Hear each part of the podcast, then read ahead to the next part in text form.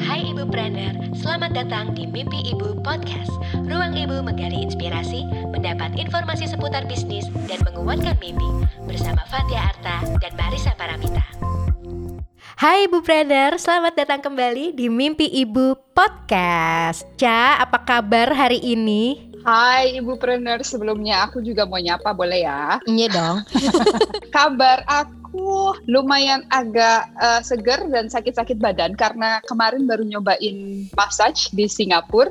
Beneran pengen minta ampun aja, pengen cium kaki minta maaf rasanya karena sakit banget dipijitnya. Maafin aku, aku salah apa sih? Kayaknya kayak gitu. Sakit karena emang sakit banget. Nah, tapi gara-gara di massage itu juga mimpinya indah banget semalam ya kan antara mimpi makan duren sama mimpi wow. uh, Matt Damon lagi. Ketemu Matt Damon ya? ya begitulah, tapi ya lumayan ya. Maksudnya itu untuk uh, refreshing lah uh, di dalam mimpi-mimpi lainnya yang kadang-kadang kita mimpiin kerjaan. Fatia apa kabar Fatia? Um, lagi baik-baik juga nih ngomongin soal pijit Tadi malam baru habis memijat suami yang juga encok punggung Ini antara otot bekerja atau usia? Beda tipis. Kalau dari aku sendiri baik lagi bersemangat karena lagi mencoba banyak hal baru termasuk podcast ini. Dan ngomongin soal mimpi karena tadi malam juga sambil bikin struktur podcast kita ya Cak kebawa loh sampai mimpi. Tapi ternyata gitu ya kalau yang namanya mimpi tuh kadang-kadang apa yang sebenarnya terakhir kita lakukan atau yang kepikiran atau juga kadang-kadang munculnya simbol tapi bisa jadi itu bermakna sesuatu. Lo sendiri percaya nggak sih kalau mimpi itu adalah sebuah pesan? Nah, ini menarik banget karena dua tahun lalu nih, uh, waktu aku masih tinggal di Kanada. Jadi kota yang aku tinggal itu namanya Nelson di BC. Uh, eh, itu kota kecil yang memang hippies banget lah kotanya, di mana banyak uh, ditemukan ashram yoga atau misalnya uh, tempat-tempat dengan uh, organic food dan segala macam. Ada satu tempat di mana waktu itu weekend uh, aku memutuskan untuk kayak kayaknya oke okay nih kita doing yoga retreat untuk uh, weekend ini. Nah kebetulan retreatnya itu adalah dream yoga.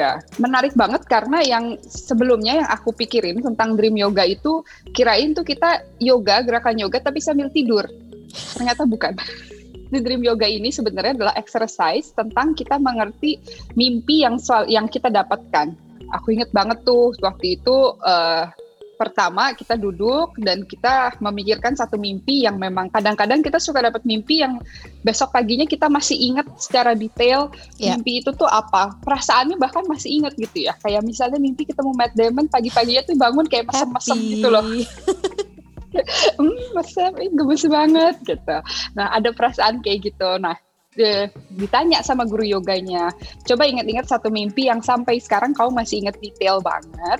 Uh, coba uh, ambil satu kertas terus digambar. Digambar tuh beneran kayak gambar pakai pinjem krayon anak gitu loh. Kita hmm. gambar yang beneran udah nggak ada estetikanya. Yang penting jelas aja gambarnya bercerita dari situ kita harus mencari satu simbol dari di gambar itu yang memang menggambarkan gambar itu secara keseluruhan. Jadi vokal poinnya yang sangat jelas. Nah, ketika itu aku ingat banget tuh mimpinya adalah uh, sepeda waktu masih kecil.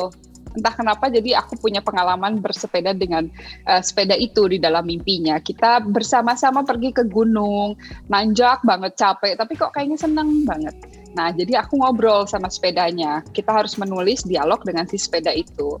Di situ aku menemukan bahwa memang ya yang namanya jalan mau naik, mau melihat pemandangan yang bagus, pasti capek, pasti nanjak, pasti keringetan, pasti nafasnya habis, pasti ada rasa kesel. Tapi kalau misalnya uh, diajak inner childnya, pasti seneng kok gitu pasti kita bisa melihat satu uh, setiap ada satu tanjakan di situ ada satu pemandangan baru jadi uh, di situ tuh di Dream Yoga itu sangat mengajarkan aku untuk lebih bisa kayak uh, bertahan dan terus berjalan aja gitu. Itu sih pengalaman aku tentang mimpi yang sampai sekarang sangat berkesan sekali. Kalau menurut Fatia, mimpi itu kenapa sih kita harus bisa menganalisa mimpi lebih dalam? Mimpi itu kan kalau diartikan secara harafiah tuh sebenarnya aktivitas yang terjadi ketika tidur yang melibatkan ada gambarnya, terus ada kejadiannya, tadi juga ada emosinya, ada pikirannya. Kalau di psikologi sendiri itu ada satu aliran namanya psikoanalisa. Nah, itu tuh hobi banget juga menganalisa mimpi dan katanya memang mimpi itu tuh simbol atau bahkan truest wishesnya kita sebagai manusia.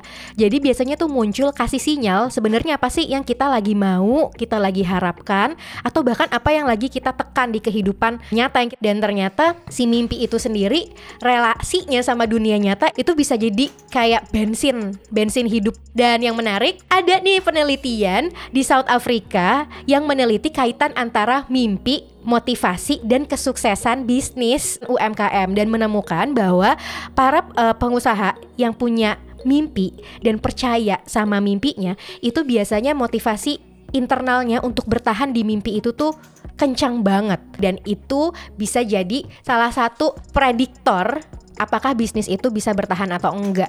Dan tadi juga kalau yang dari cerita uh, Ica terkait dengan Dream Yoga tadi, dia membantu kita untuk memilih elemen yang penting Nah menurutku itu relevan banget sih terkait kalau kita kepengen ngerubah mimpi kita tuh jadi sebuah goals dengan duduk terus kasih visual ke diri kita kayak apa yang ada di kepala kita digambarin, ditulisin itu salah satu cara kita untuk semakin memperkuat mimpi kita supaya kita bisa lebih uh, percaya dan semakin yakin bahwa itu bisa dijalanin dan itu malah yang bisa ngebedain antara ngimpi aja sama beneran doing the dream. Menurut lo kayak manfaat visualisasi mimpi yang sempat lo latih itu gimana cak?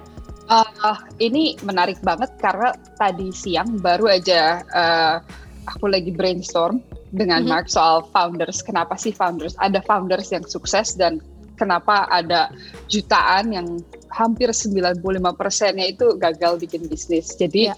kesimpulannya itu sama, yaitu visi ya. Sebenarnya founders yang sukses itu adalah yang punya satu visi di mana dia percaya akan uh, si mimpinya ini bisa menjadi kenyataan atau visi hmm. dari company-nya ini akan bisa uh, tercapai tapi sebenarnya yang paling penting sendiri itu adalah uh, dukungan kan dari kalau misalnya kita punya satu visi kita punya satu mimpi yang paling penting kan kita harus punya satu dukungan di mana ya ada beberapa orang yang mendukung dengan visi kita ya. atau dia mendukung uh, mimpi kita tapi kalau tadi yang Fatia cerita itu kan artinya diri kita sendiri pun percaya sama mimpi kita kan Bener. artinya diri kita memberikan dukungan untuk uh, untuk kita terus mengejar mimpinya. Nah, penting banget untuk kita bisa memvisualisasikan mimpi karena ibaratnya tuh ya sama dengan saying tak kenal maka tak sayang. Ibu-ibu ada yang udah baca buku The Secret itu memang sangat sesuatu yang benar banget gak sih kalau misalnya kita tidak bisa melihat apa yang terjadi di depan atau misalnya kita tidak bisa memvisualisasikan mimpi kita uh, susah untuk menjadi kenyataan karena kitanya pun susah untuk percaya. Jadi ketika kita bisa duduk dan memvisualisasikan sesuatu dengan jelas dengan mimpi kita, otomatis itu akan lebih mudah untuk kita percaya bahwa jalan ke sana itu beneran ada. Setuju banget sih, Cak. Karena kalau cuma dipikirin di kepala, itu bisa hilang. Gampang banget hilang juga. Karena kan ya kita nggak bisa berhenti berpikir ya. Jadi kadang-kadang oke okay, mimpinya indah bagus. Tapi kalau nggak buru-buru divisualisasikan ditulisin atau bahkan uh, ya at least dicatat gitu ya ya udah bisa hilang gitu aja ya beneran. Jadi cuman mimpi tinggallah mimpi. Jadi emang harus ada uh, actionnya. Jadi ketika gue baca-baca memang bermimpi itu udah satu langkah untuk kita maju dalam hidup dan ternyata ada step-step selanjutnya tentunya supaya ya itu tadi kita nggak cuma dreaming tapi bisa actually doing the dream. Jadi ya udah setelah memang kita berani buat mimpi dan oke okay, nginget lagi mimpi kita apa, di define sebenarnya mimpi itu tuh apa sih kita bisa ubah jadi clear ideas. Setelah udah ada ideas yang lebih jelas, kita bisa setting goalsnya kita berapa lama sih mau sampai di mimpi itu? Kemudian kadang-kadang kalau cuman emang satu mimpi gitu gede itu menakutkan sih. Karena ya bener gak sih gue bisa mencapai itu? Tapi ternyata ketika kita bisa ngeubah mimpi itu jadi goals terus kita breakdown lagi jadi step-step yang lebih kecil-kecil itu bisa jadi kita ngerasa bahwa oh it's actually doable ya untuk bisa dilakuin. Dan pelan-pelan dilakuin step by step dan bisa jadi tanpa sadar eh kok udah sampai ya di mimpinya. Jadi memang ketika habis mimpi di define, setting goals, di breakdown uh, step-stepnya dan start do your plan dan akhirnya hopefully tanpa sadar si mimpi itu bukan cuman sekedar mimpi lagi kalau kita dengerin atau bisa kita ibu-ibu denger podcast terus ah gimana caranya ya? Kok kayak susah segala macam ibu sudah berani bermimpi aja tuh udah keren banget sih sebenarnya. Benar. Itu udah satu langkah yang luar biasa dan bikin bikin plan itu nggak sesulit itu. Kemarin tuh uh, aku baru dengerin podcast bagus banget uh, podcast Project Knowledge. Jadi di situ dia cerita bahwa uh, terkadang kalau kita bikin komitmen untuk bikin goal dalam uh, untuk mengejar kita diri kita yang kita mau di lima tahun ke depan di 10 tahun ke depan hmm. memang rasanya berat banget dan impossible banget itu semua dirasakan oleh semua manusia normal. Hmm. Itu sangat normal sekali ketika kita merasa kita tidak mampu meraih goal yang kita mau. Tapi yang tadi Fatia udah bilang di breakdown kecil-kecil, kecil-kecil banget sampai akhirnya ibu tahu uh, besok ibu harus mencapai goal apa. Hmm. Nah, jadi ketika sudah tahu nih goal besok udah mau mencapai apa, coba laksanakan dulu, bikin komitmen untuk kita di uh, besok hari. Itu hmm. aja dulu. Kita tahu goal yang kita mau apa, taruh aja goal dalam 20 tahun mendatang, tapi komitmen yang kita lakukan memang komitmen kecil yaitu besok kita mau ngapain mungkin tidak tidak usah harus yang uh, berat-berat untuk ibu-ibu bikin komitmen mungkin bisa besok mau cari uh, satu partner yang mau support aku bikin bisnis atau besok Bener. mau bikin satu konten buat di Instagram tanpa terasa ya semua langkah kecil itu beneran akan membantu uh, ibu-ibu untuk terus berjalan ke dalam uh, ke dalam goalnya sih tanpa tanpa terasa ya tiba-tiba tuh Bener. udah kayak ah udah nyampe nih di gol aku gitu. Ngapain lagi ya sekarang? Oke, bikin gol baru.